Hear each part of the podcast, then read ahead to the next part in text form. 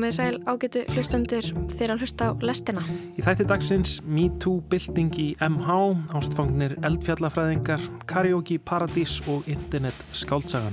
Nærmynd af naglalist, smásteinn utan úr geimnum, samsett augu tarantúlu, stormur eins og niðursóðunar feskjur á yfirborði Júpiters, kartöfluætur Van Goghs, tjúáahundur, tillir sér á standpínu manns, bílskúrshurð með áspreyjaðri upprópun, hættu, ekki senda konunni minni tölvupost. Mótmælinn hófust með blöðum sem hengt voru upp viðsveðrum skólan í gær, með spurningum á borfið af hverju þarf ég að fara um sömu ganga og nauðgarar. Hún er hálgerður karaoke plötusnúður sem hefur árum saman ferðast um Finnland og haldið karaoke kvöld fyrir ólíka hópa fólks. Oftast á krám en stundum á óhefmyndnari stöðum á borfið elli heimili eða geðspítala. Ég heiti Kristján Guðjónsson. Og ég heiti Lóa Björk Björnstóttir og þetta er lestinn miðugudaginn 5. oktober.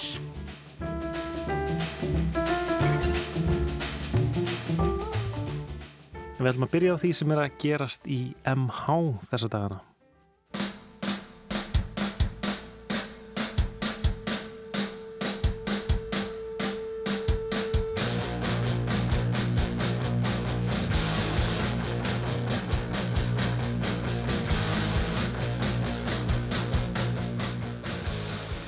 En ungar konur í mentaskólanum í Hamralið emdu gerð til mótmælinan skólans gegn afskiptalesi MH gagvart Karlkins nefndum sem sagður eru að hafa broti gegn öðrum ungum konum í nefndahopnum. Mótmælin hófust með blöðum sem hengt voru upp viðsveðrum skólan í gær, með spurningum á borfið af hverju þarf ég að fara um sömu ganga og nauðgarar. Þar var meðal annars búið að skrifa nöfn myndra gerenda og skilabúðin ég vil ekki nauðgara í skólanum mínum. Þá hafa nefnendur bóða til útgöngumótmæla á 50 dag vegna málsins. Það samsagt byrjaði á hérna, að hópur nefnenda ákvað að setja upp blað.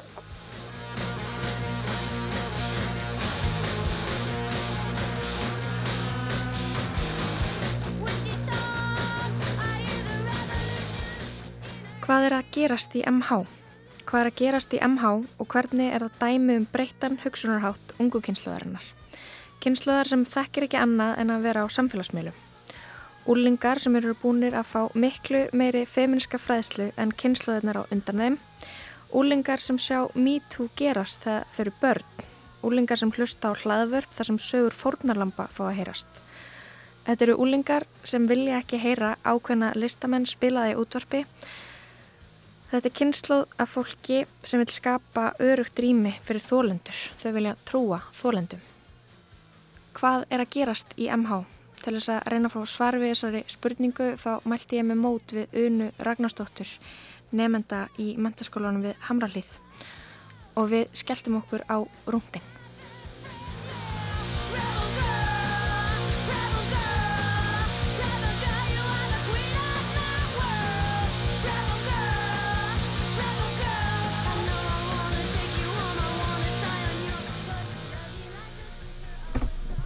Ok, mín fyrsta spurning er kannski, er, er einhverju í MH að tala um eitthvað annað heldur en svona það sem er í gangi eða búið verið í gangi í senstu daga?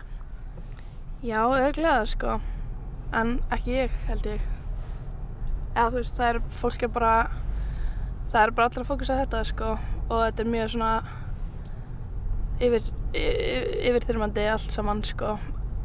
Bæði bara fólk er eitt og byrjað en svo er þetta líka einhvern veginn komið í ringi og fólk verðið að að gera, gera grína þú veist stjórnundum og, og þú veist, að ég veit ekki, þetta er bara komið ykkur þúsund ringi sko, allir er að tala um þetta á eitthvað á einn annan nátt sko mm -hmm. en ég veit ekki hvort það er mikið verið að ræða eitthvað eitthvað önnum, önnum mál svo ég veit allavega Getur þú kannski sagt mér aðeins bara svona hvernig þessi vika byrjaði í skólanuðinum?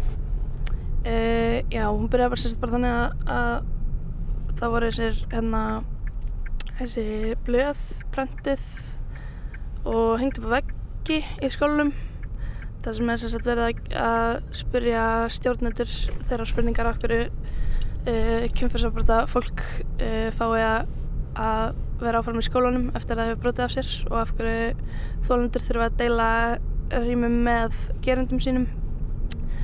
Uh, og svo verður þessi baðherbyggis upp á koma uh, sama dag, setna sama dag í lókdags. Hvað er þessi baðherbyggis upp, upp að koma?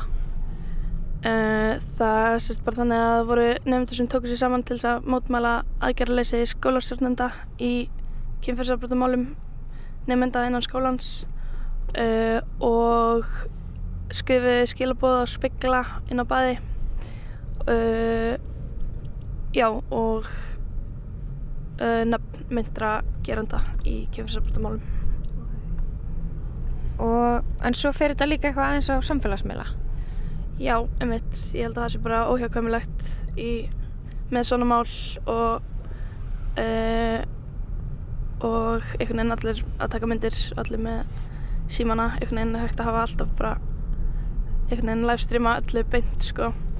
Um, sem að er eins og ég segja óhjákvæmilegt en líka alveg erfitt sko því að stundum eru málinn þá komin um, einhvert út í út í einhverja umræðu áður en að eins og þeir sem er hluti máli eru búin að fá að fá að hérna, ræða við, við stjórnendur og, og, og aðra sko sem að sem er einhvern veginn það sem krafan snýrst um til þess að byrja með að stjórnendur hlusti og breyðist við um, og það verður líka til þess bara ofta að verði kannski meiri reyði á um, já, bara reyði í þessu einhvern veginn. En kannski, já, ég veit ekki.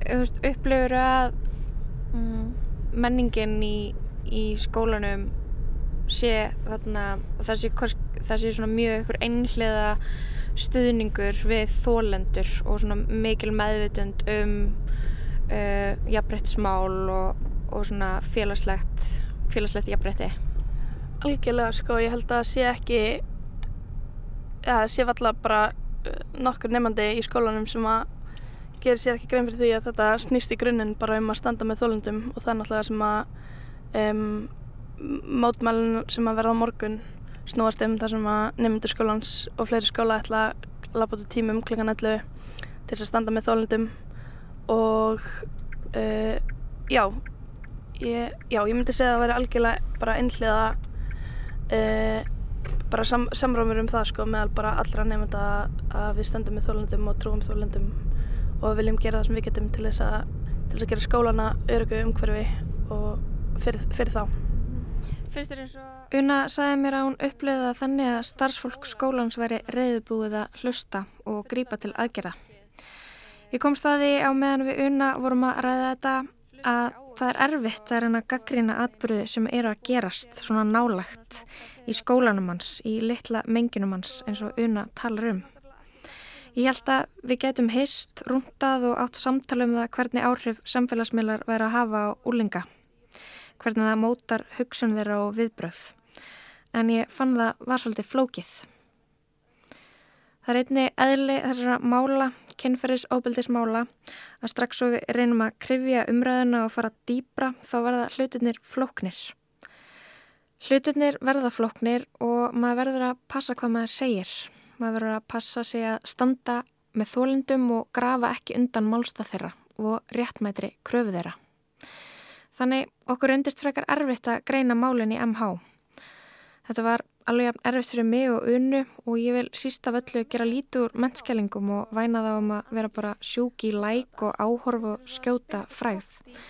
Unna tók undir það. Sko, ég held að sé bara mjög eðlilegt að, að krakkar sem að vilja sína stuðning og vilja einhvern veginn, þú veist, sína ofinberlega fram á það að þeir standi með þólundum og trúið þólundum og, og eru að krefjast breytinga.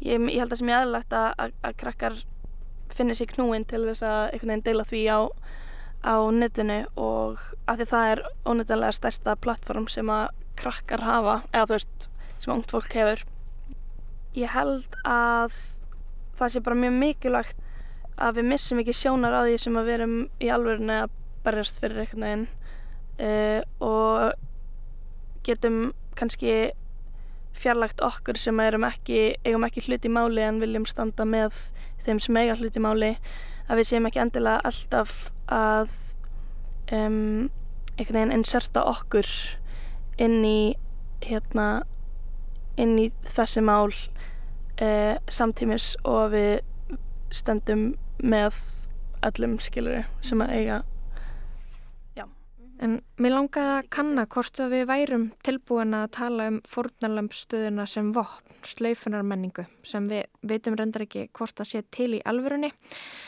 og hvort við verum tilbúin að tala um hlutverki sem samfélagsmiðlar spila í réttindabaróttu í dag. Una kom með góðan punkt. Sko,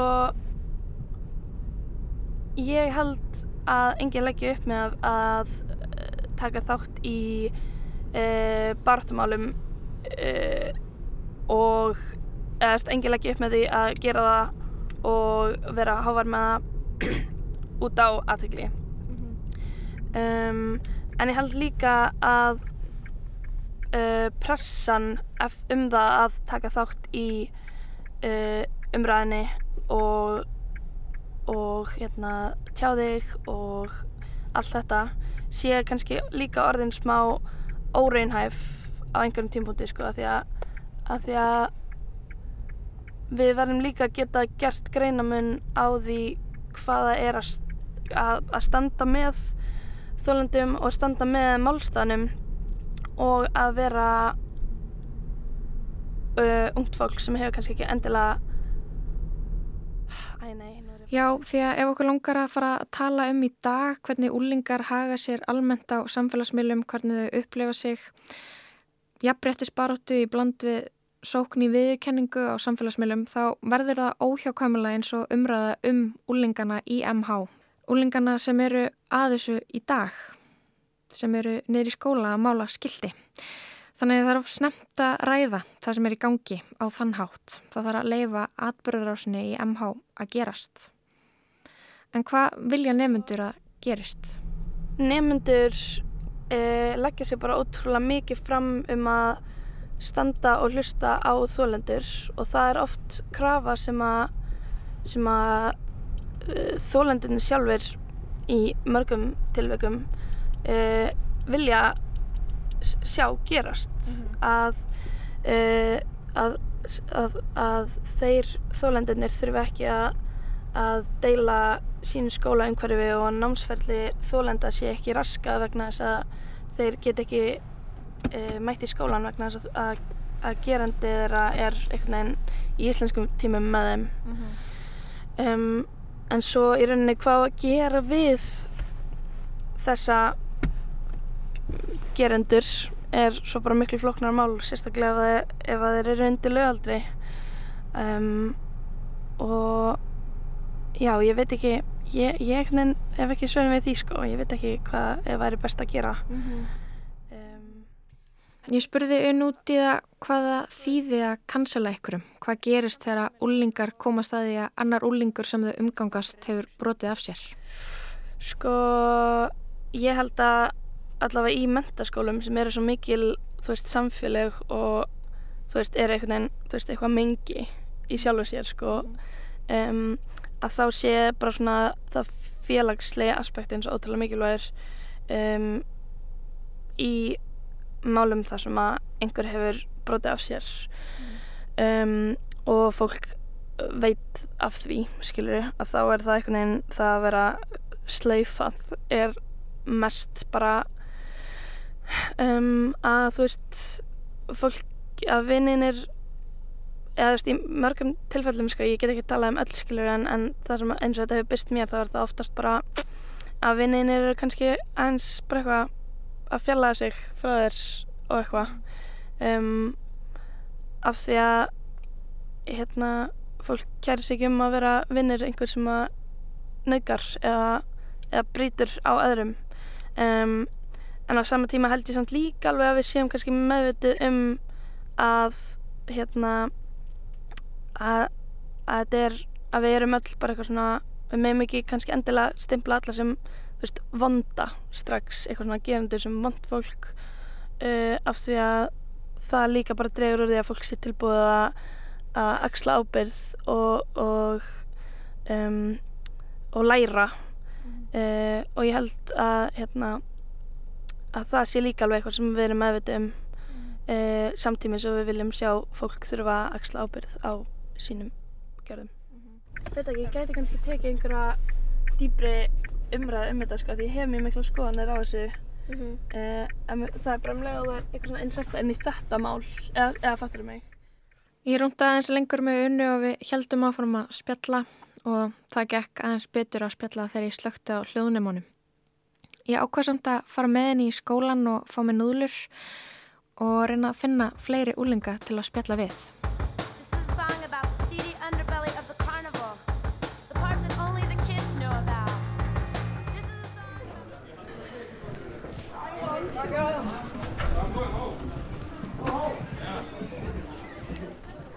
Fyrsta manneskjan sem við sáum þegar við gengum inn í skólan var stelpa sem er búin að vera duglega að tjási á samfélagsmiðlum. Í stóri á Instagram hjá þessari stelpu deilir hún myndinni af speiklinum á baðherbygginu í MH. Hún skrifar Þetta er sjúkt, sjúkt, sjúkt. Það er engin leið að vita hvort það séu raunverulegar sögur eða bara orðrumar að baki hvers og eins nafns þarna. Það getur hver sem er skrifað hvaða nafn sem er þarna upp og stimpla eitthvað sem nöðgara fyrir öllum í skólanum að eilifu án þess að veita neina eftirfylgni eða stiðja málsitt. Gjörður ykkar hafa afleðingar, segir hún, og plís ekki stiðja við það að saklaus eða ekki saklaus börn með stórum stöfum verði útilokkuð og lögði einelti í skólanum næstu þrjú árin. Svo skrifar hún líka. Það tekur annað level af hugrekki og góðmennsku að velja umgangast og styðja áfram mannesku sem er verið að cancela. Þú ert ekki skítæl fyrir að vera vinur vinaðina. Treystu mér, heimurum verður ekki betri ef að fleiri okkar eru einangruð og miserable. Ég spjallaði hans við hana en hún var ekki til í viðtal. Við spurðum hvort hún veri hrættum að verða cancelled og hún saði já. Hún saði við mig í spjalli eftir á á Instagram að ástæðan væri að fólk væri brjálað og hún vildi ekki gefa þeim neitt meira til að tólka. Ég er búin að fá svo mikið af ömurlegum skilabóðum og fólk í skólanum er hægt að tala við mig. Ég er bara búin að segja það sem ég vil og nenn ekki meira.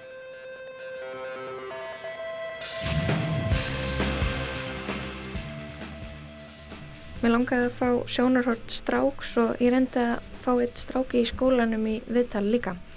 Hann sagðist vera í skiplagsteiminu og vildi frekar benda mér á aðra til að tala við. Ég sagðist frekar vilja tala við hann en þá svaraði hann fyrir mér snýst þetta miklu frekar um að koma röttum þólenda á framfæri heldur en minni. Ég geti komið þér í samband við þólendur og nefendur að þú vilt. Þannig að þó það virki á yfirborunni eins og margir nefendur skólans vilji Olmir tjá sig þá að það alls ekki við um alla. Ég náði samt að hitta Jórunni Haraldsdóttur sem er búin að vera að taka virkan þátti í þessum aðgerðum. Hún sagði mér frá því sem þeir að gera og fór með mér á klósetti þar sem þetta byrjaði allt. Getur þú sagt mér aðeins frá fundi sem þú varst á í gær? Já, það var sem sagt fundur, svona frjálsfundur fyrir MH-inga í gær í húsi sem ég man ekki alveg hvað heitir Andrýmið eða eitthvað svo leiðis svona eitthvað anarkista hús. Og það mættu alveg um það byrju 60 mann sem er mjög góð mæting.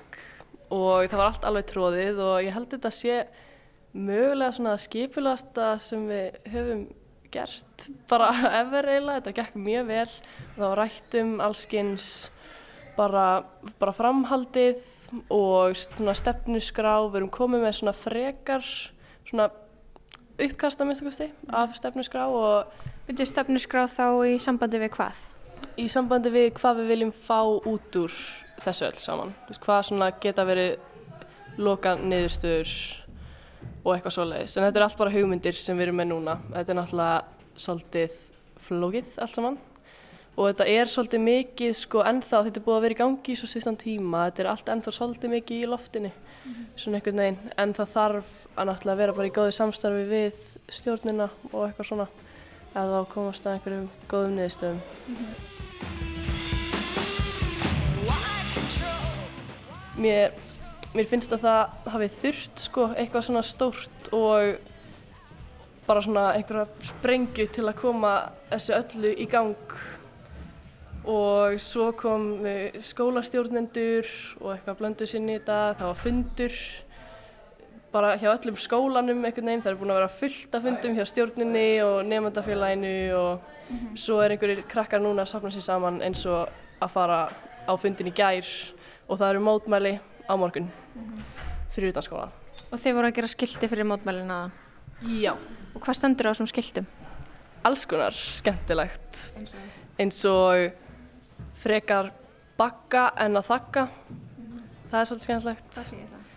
Frekar þá að taka í vöruna, skilur, heldur en að þakka niður í fólki og það er bara að fyndið að því að rýmar.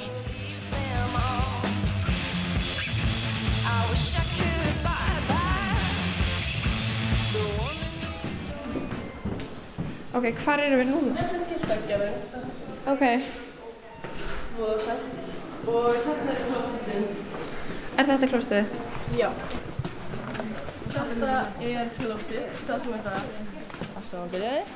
Hérna er kultúr sko. Já, hérna er kultúr. Og hérna sem þetta stáð á hverjum einstu spegli, bara svona alls konar, eitthvað stutt og svo þessum hérna, þar voru þá nöfnin á fólki sem er sagt vera gerendur innan skólans. Sem var mjög dramatíst. Og það andrumslofti hérna inni þegar þetta var að gerast var alveg svolítið áþreifanlegt sko. Þetta var mjög, ég hef aldrei uppfylgðað neitt svona áður. Þetta var mjög svona mikill gjörningur eiginlega. Og þú getur séð hérna, það stendur ennþá. Getur þú að lesa hvað stendur?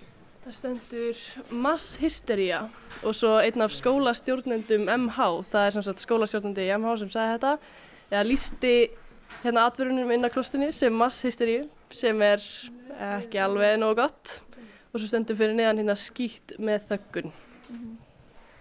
Var þetta skipulaður gjörningur eða?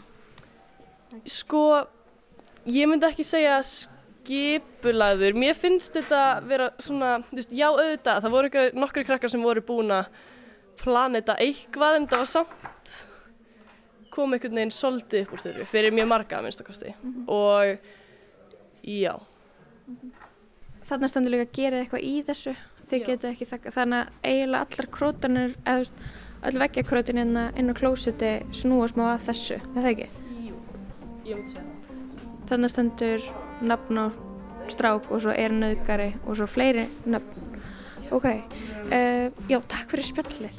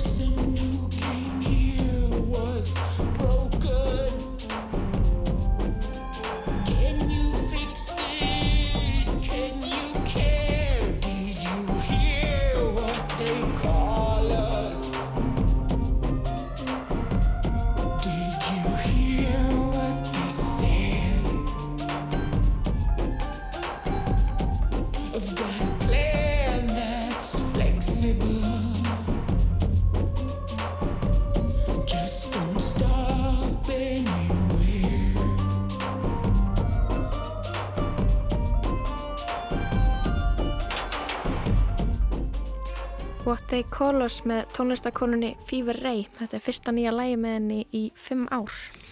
En þá ætlum við að fara yfir í Bíó. Guðrún Elsa Bragadóttir fjallar um tvær heimildamindir á RIF, alþjóðleiri kveikmyndaháttíð í Reykjavík sem stendur núna yfir. Ég veit hvernig ykkur líður. Oft er eins og það sé reynd ekki neitt í bíó, vikum ef ekki mánuðum saman. Þetta gerist yfirleitt þegar þið eruð í sumarfríi og heil hafsjór af tíma býður þess að hans sé fylltur með ánægilegu klápi.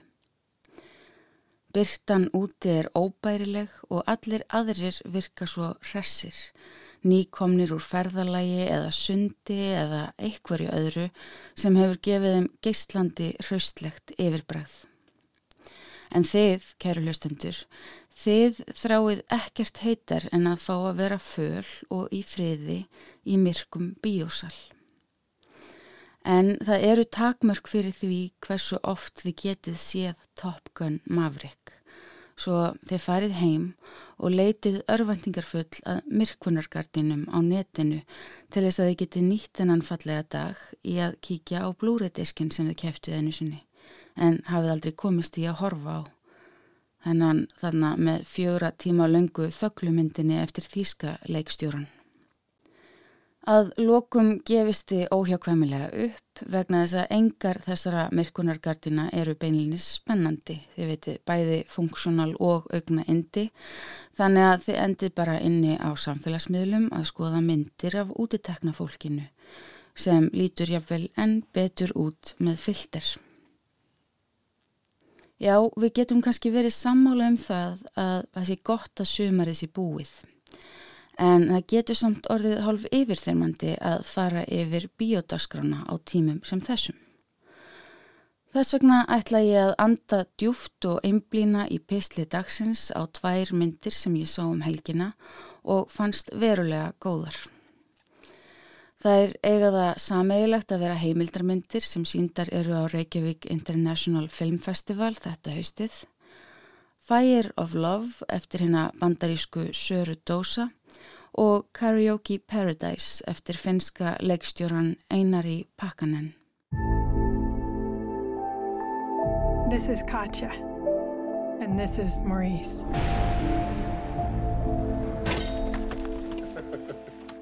Tomorrow will be their last day. They will leave behind hundreds of hours of footage, thousands of photos, and a million questions.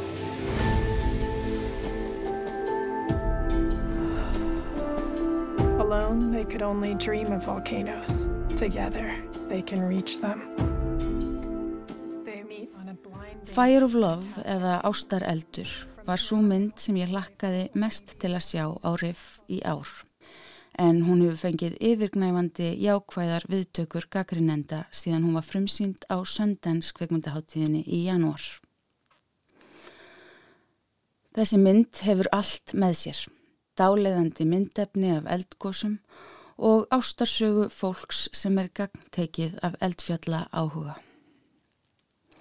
Myndin fjallar um fransku hjónin og eldfjallafræðingana Kötju og Maurice Kraft sem helguðu lífsitt rannsóknum á eldfjöllum með hætti sem sveipar fræðigreinina sem snara skilgreinir sem þá grein jarðfræði sem fæst sérstaklega við eldfjöll og gósverkni, ævintýra ljóma.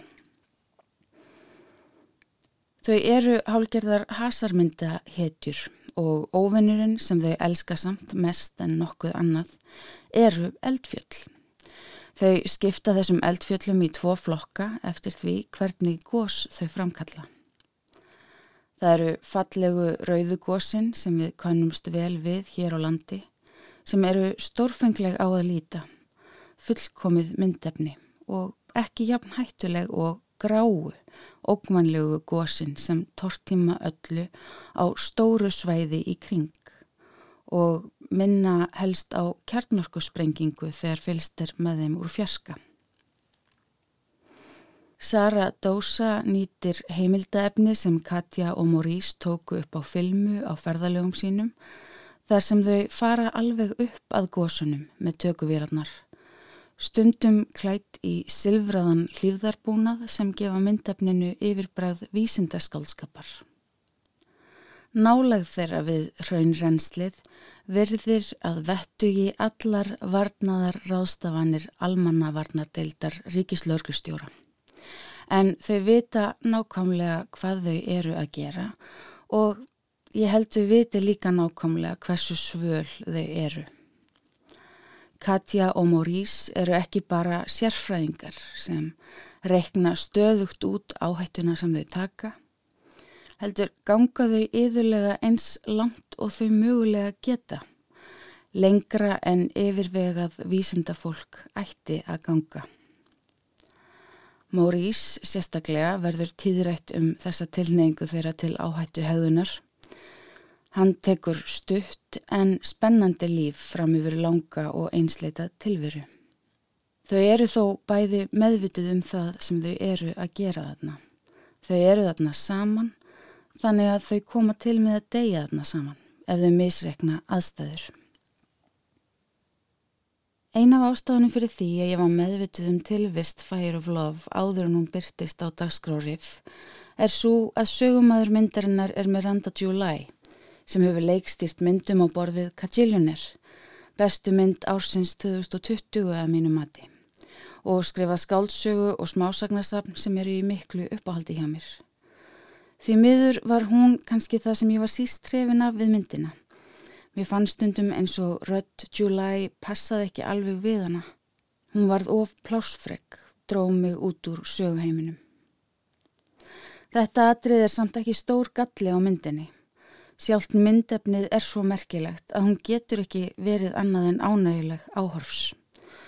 Svo spillir ekki fyrir að krafthjónin hafi farið til Íslands sem er vissulega í mjög litlu hlutverki í myndinni sem gefur öðrum ferðalegum þeirra tölvert meira plás en það byrtist samt á notalega kunnulegan hátt.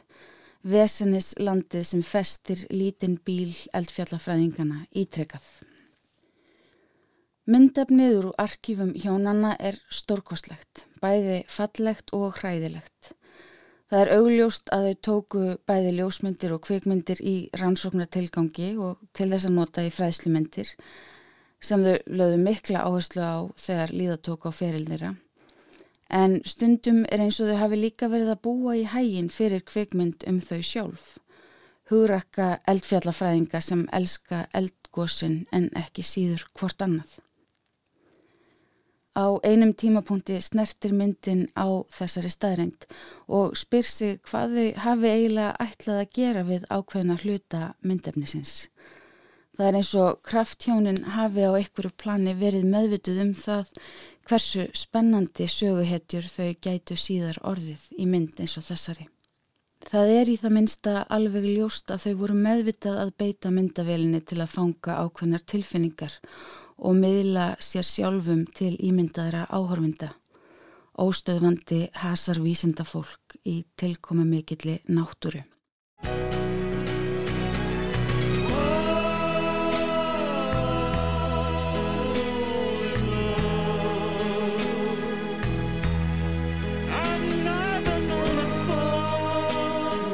Nyt alkaa sitten karaoke. Me on Evi ja minut tulette tuntemaan.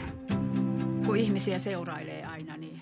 Finska heimildarmyndin Karaoke Paradise er mjög ólík Fire of Love en samt jafnvel áhrifameiri. Kanski af því hún kemst nær fólkinu sem hún fjallar um, nálgastað og tilfinningalíf þess í rauntíma. Pakkanen tókst líka að finna fullkomna söguhetjur fyrir myndina sína. Fólk sem áhörfundur get ekki annað en haft áhuga á og samkend með. Karogi Paradísin er í öllu falli í mínum huga hinn fullkomna riffmynd. Ég hefði líklega aldrei orðið svo heppin að fá að sjá hana ef ég hefði ekki slesast inn á hana fyrir hálgerða tilviljun síðastlið sunnudagskvöld. Vinkona mín spurði hvort ég vildi ekki sjá finsku Karogi myndina sem hún hefði rekið augun í á dasgráni og ég eins og hún er alltaf til í að sjá finskar myndir. Það er nefnilega eitthvað við finsku þjóðarsálina sem er ómótstæðilegt. Tungumálið fangar þetta je ne sais quoi ágætlega. Það er indislegt að hlusta á fólk tala finsku og það skiptir ekki máli hversu tilfinninga þrungið umfyllunarefnið er. Það verður aldrei yfirdrifið.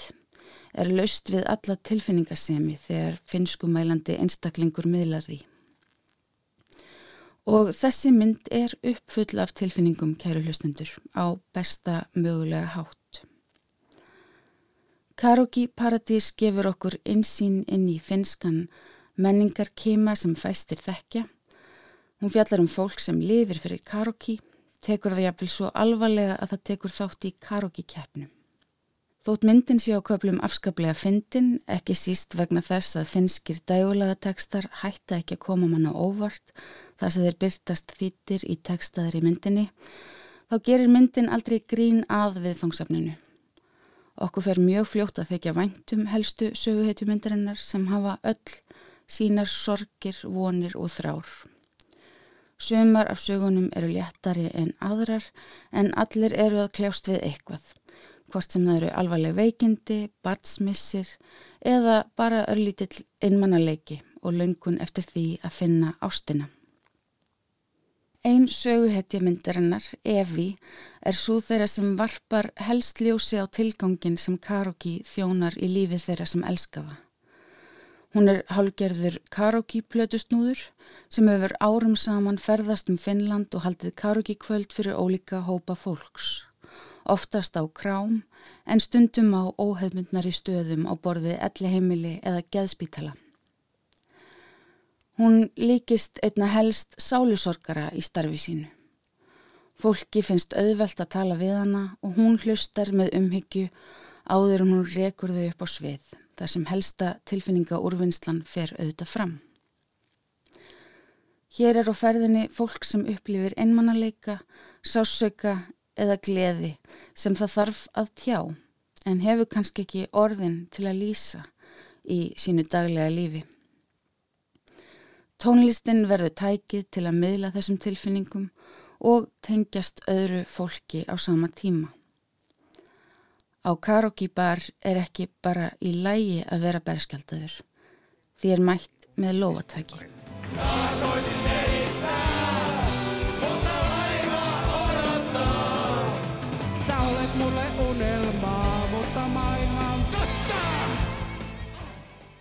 Smá finskur karoki-söngur. Það var Guðrún Elsa Bræðadóttir sem fjallaði um tvær heimildamindir á riff. En þá snúum við okkur að bókmentum um internetið.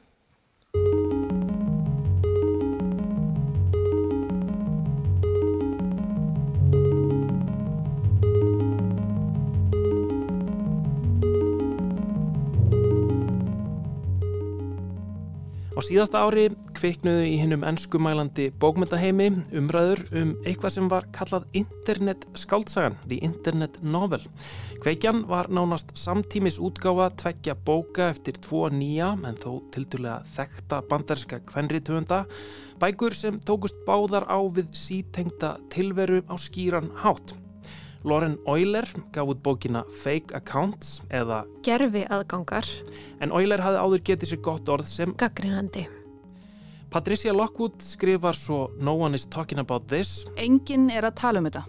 En hún hafði áður vakið aðtikli sem Ljóðskald og já, svo er þær báðar virkar á Twitter Þegar ég á vafri mínum um netið rakst á þetta hugtak, internet skáldsagan, þá glendi ég upp augun.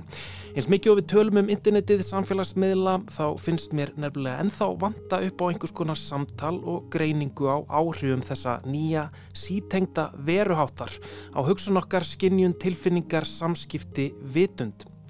Án einhvers konar fyrirbæra fræðilegar greiningar á netinu held ég að við getum ekki skilið hvað liggur að baki kvíða unglinga, ánum aðeglisbresti, einmannaleika, kulnun, polariseringu, MeToo eða slaufunarmenningu. Það var svakalegt hversu mikið fólk lág á hleri og það var enn ekki ljóst hver áhrifin yrðu. Allt í kringum hana streymdu dagbækur annara.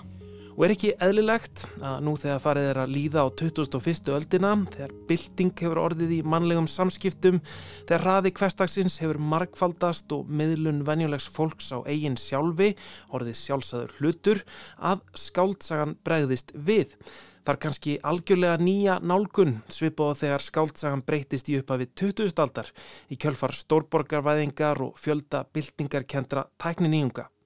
Til þess að tólka vitundar ástandið sem þá var svo nýtt prófuðu margi rítuhundar sig áfram með frjálst vitundaflæði, hurfu frá framvindu og fléttu, frá hugmyndum um hlutlagni og skinnsemisikju og fókusin fór inn á við og tólkaði skinnjun og kaotíst sálalíf hinnar nýju stórborgar tilveru mótinismans. En hvað með skáldsöguna í dag? Er hún færum að tólka okkar sítengta samtíma? Eru þessar svo kalluðu internet skáldsögur mögulega svarið? Eru þeir ekki algjörlega að miskilja? Um leið og fólk byrjar að skrifa um það þá er það strax farið að miskilja. Ef við gefum okkur allavega í smá stund að hugtækið sé meira en bara markasbrella bóka útgefenda, þá langar mig að spyrja hvað gæti internet skáldsagan verið? Það getur ekki verið að sjálft umfjöllunarefnið skilgreini slíkar bækur því skáldsögur hafa verið skrifaðar um tölfur og internet frá því að áður en þessi fyrirbæri komu fram. Hinn stafræni heimur er jú nöðsynlegur hluti af hverju internet skáldsögu en það sem talsmenn hugtagsins álýta skilgreina hana frekar er hvernig hún gerir tilraun til að tjá veruhátt ofur internetvætra einstaklinga, hvernig netið og heimurinn utan þess að vera og vera á netinu renna saman og hafa áhrif þvers og kruss. Við erum ekki að tala um vísindaskálskap, heldur bækur sem reyna að tólka þær breytingar sem er eigast í stað í skinnjun okkar og samskiptum nákvæmlega núna. Já, hvaða form, hvaða frásagnamáti, stíl, tótt, nálgun, hvers konar personusköpun er nöðsynleg til að miðla þessu. Og er yfir höfuð hægt að skrifa um internetið sem breytist svo hratt að lýsing á því verður eflust úrelt strax á morgun. Hún opnaði gáttina og hugurinn mætt henni strax í andirinu. Inni var hitabeltisloftslag og snjókoma og fyrsta snjóflixan í blindhríð allra hluta lendi á tungunni hennar og bráðnaði. Engin er að tala um þetta, no one is talking about this, fjallar um unga konu sem verður fræg vegna mjög súrs brandara á Twitter. Getur hundur verið tvíburar? Hún lifir og hærist í hinnu stafræna rými og hefur mótað með sér aftengta og tildulega kaltæðna lífsafstöðu, veit ekki hvort hún eigi að breyðast við alvarlegum heimsfrettum með pólitískri réttrúnaðar greiningu eða háði. Allt þanga til sýstir hennar egnast alvarlega veika dóttur sem kipir henni inn í heim líkamleika og skýra mannlegra tenginga. Við henni blasir dauðin eitthvað raunverulegt sem engin á netinu er að tala um. Skáltsagan er skrifuð í stuttum efnisgreinum sem flakka milli heima og geima í viðfóngsefnum sem blasa við söguhetjunni fyrir innan gáttina, The Portal eins og hún kallar internetið eða samfélagsmiðlinn. Þetta er nokkuð algengt í bókum sem fjalla um netið. Það er að upp og samfélagsmiðlunar séu ekki nefndir sínum raunverulegu nöfnum. Ég hugsa að það sé einhver tilraun til þess að gera bækurnar tímalösari. En hérna gefur hugtækið The Portal gáttinn þessari raunsægislegu bók svolítið annarlegan blæn, töfra raunsægislegan. Þetta er poetískur og absúrt meinfindin stíl á tíðum. Virtual realism hefur einhver kallaða og aðrir sagt upplifinna að lesa stílinn eins og að skrolla niður samfélagsmeila algjörlega ótengdar hugleðingar hinga og þangað sem tengjast brotakent á vegnum eða í fítinu. Nærmynd af naglalist, smásteinn utan úr geimnum, samsett augu tarantúlu, stormur eins og niðursóðunar feskjur á yfirborði Júpiters, kartöfluætur Van Goghs, tjúáahundur, tillir sér á standpínu manns, bílskúrshurð með áspreyjaðri upprópun, hættu, ekki senda konunni minni tölvupúst. Hvernig gat maður upplifa gáttina sem engarými þegar maður fór bara innum hana þegar maður þurfti að vera allstaðar? Hinnbókin Gerfi aðgangar fjallar um ungan bloggara eða vefbladakonu sem kennst að því að kærasti hennar hefur haldið úti vinsælum samsæriskenningareikningi á Instagram. En áður en nú næra spyrja hann út í þetta allt saman, deyr hann af slísförum Í kjölfar andlátsins flýr hún til Berlínar þar sem hún lígur að öllu samferðafólki um lífsitt og aðstæður. Stílinn er á vissanhátt hefbundnari en í hinni bókinni en á sama tíma sjálfsmeðvitaður og uppfullur af sjálfstilvísunum. Þar sem sögumæðurinn er stöðut að velta fyrir sér uppátt hvernig hann byrtist lesendum sínum og þá helst fyrirhandi kærustum sem gætu lesið bókina. Hún velti líka fyrir sér og tekur einn kabla í að leika sér að, gera grín og afneita brotakendum tvitterlegum stíl líkum þeim sem Lockwood notar í No One is Talking About This. Þessi stíl er líka réttlættur með því að hann líki eftir nútímalífinu sem er sagt vera brotakent en þetta er eitt af því versta við lífið í dag. Þetta er svo kvíðavaldandi. Þegar einhver segir brotakent á hann við sundu slitið Hverju myndi ég vilja láta bókina mín að vera eins og Twitter? Ef ég vildi að bókin var eins og Twitter, myndi ég sleppa því að skrifa bókina og bara eigða meiri tíma á Twitter. Svona ótraustir sögumenn, sögumenn sem tala beint til lesanda eru auðvitað ekki nýtt stílbraði í bókmentum en þarna er það þessi stöðuga sjálfsmeðutund sögumannsins og tólkun á evasendum um hvernig hver einasta aðtöfn byrtist okkur. Stöðu sjálfsritskoðun sem er kannski sérstaklega internet mótuð nálgun. Já, því er þetta ekki innmitt eðli hugsunar á samfélagsmiðlum. Hver einasta gjörð er sjálfsmeðvitaður performance, notandin setur inn mynd, myndskeið, skoðun, aðtugasemd í loftið, meðvitaður um að aðrir muni sjá og tólka þetta. Þetta skapar bæði einhvers konar sjálfsánægu en líka óta, við erum öll einu týsti frá því að vera slaufað. Ég fylgist með kvennriðtöfundi A segja leiðilega hluti um annan kvennriðtöfund á frekar almennan passív-aggressívan hátt. Ég komst að því hver sá rítöfundur, B, var, með því að senda skilabóða mannesku sem ég vissi að meikaði ekki A út af öðru sem hún hafði skrifað einhver tíman. Þannig rataði ég svo inn á prófíl annars hvern rítöfundar, C, sem sagði að ef hún hefði tiltekna eiginleika, eiginleika sem B og aðeins B hefur, þá myndi hún drepa sig. Ég hafði aldrei hitt þessa konur eða lesið bækuna þeirra en ég ákvaði að vera í leiði með B. Ég pældi í því að deila lúmskri stöðningseyfylýsingu fyrir alla þessa tólf fylgjendu mína sem getur vitað um hvað ég var að tala en ákvaði að gera það ekki. Því hvað ef A myndi sjá það og svo myndi við hittast á förnum vegi. Eitt greinandi sem ég rakst á lítur að það sem enkenni internetskáldskapin sé ekki hann líki eftir internetinu hvað var þar útletiða form heldur í virkni tekstans.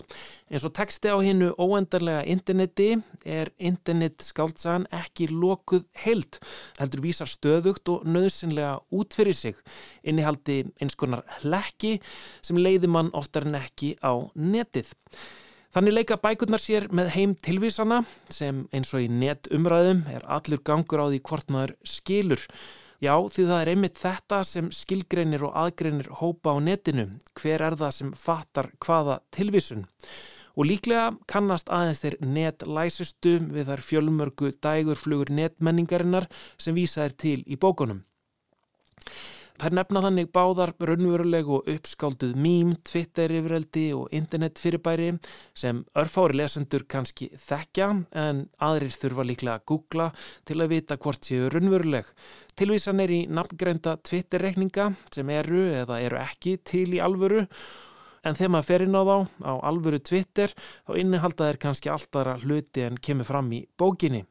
Tekstin er þannig eiginlega ekki sjálfstæður Allt þetta er einhvers konar merkingar auki sem er fyrir utan texta bókarinnar og háður mögulegu aðgengi lesanda af internetinu. Síðasti og kannski stæsti merkingaraukin er svo sjálfur rithöfundurinn og hans net viðvera. Í anda skáldæfisagna og autofiksjón líkjast aðalpersonar í báðmessum bókum um margt rithöfundunum sjálfum. Þarna er á sjálfsmeðvitaðan hátt leiki sér að þessum mörgum. Rittuðundurinn er þannig ekki lengur dauður, heldur er Twitter-profílinans hluti af merkingu textans, en lýsing söguhetjunar í fake accounts á profílmyndsinni. Það sem hárið á mér hýlur algjörlega augun og nefið. Gæti hæglega átt við hennar eigin Twitter-profíl. Það sem kemur hins vegar óvart er hversu margar bækur sem eiga tjá internetöldina svo vel virðast gera greinamun á því að vera á netinu og því að vera ótengdur. Það er einlega það sem hefur verið kölluð stafræn tvíhegja, digital dualism Og þessu fylgir oftar en ekki sá gildistómur að ótengd tilvera sé á einhvern nátt runnverulegri og sannari en net tilveran. Afstæða sem kristallast í skamstöfuninni IRL, in real life. Runnvera, það er eitthvað sem er andstæðan við online. Svona er þetta allavega í No One is Talking About This, söguhetjan er einhvern nátt tínd og aftengt á netinu en raunverulegar tengingar og upplifanir eru í kjötheimunum, til dæmis í umönun barns í lífsættu. Þannig líka ákveðin nostalgía, nostalgía eftir interneti sem var öðruvísi og það er kannski vegna þess að er sem skrifa bækurnar muna eftir annars konar interneti, það eru báðar í kringum þertugt. Já, internetið var eitt sinn. Staðurinn þar sem þú gast hljómað eins og þú sjálfur. En smám saman var það að staðnum þar sem við hljómuðum öll nákvæmlega eins. Báður þessar sögur takast á við persónulega upplifun einstaklinga af samfélagsmiðlum, reyna tjá sjónarhorn, hugar sem er orðin háður þessum samskipta tólum, greina sálfræðina. Þar gera hins vegar litla tilraun til að greina þá undirleikjandi valdastruktúra sem liggja þessu til grundvallar, algoritmum og gagnasöpnun tæknirisana.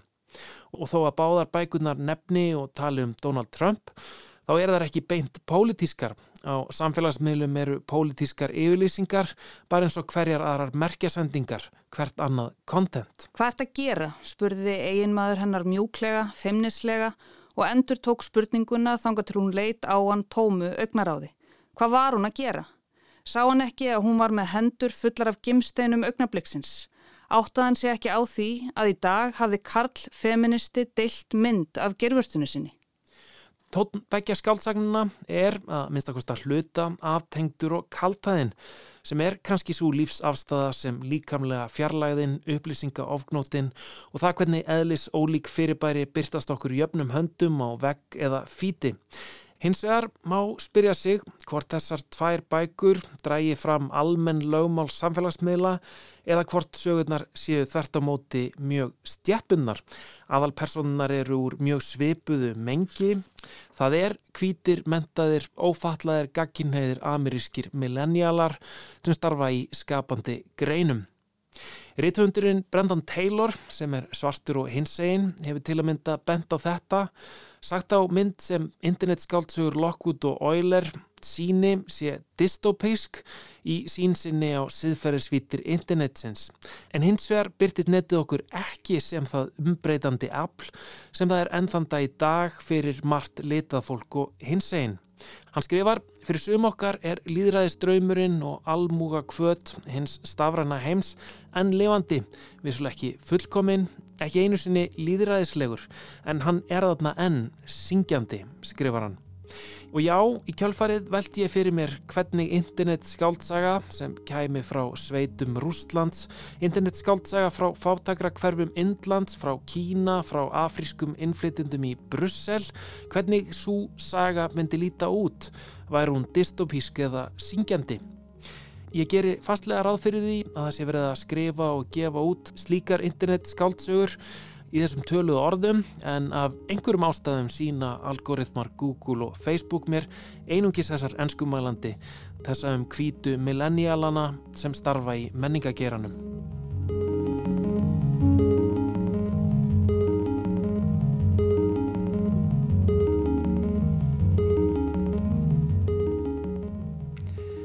Nokkri tónar frá tónlistamannum KMRU frá Kenya Hann er einn af þeim sem kemur fram á Extreme Chill tónlistarháttíðinni sem hefst á morgun í Reykjavík.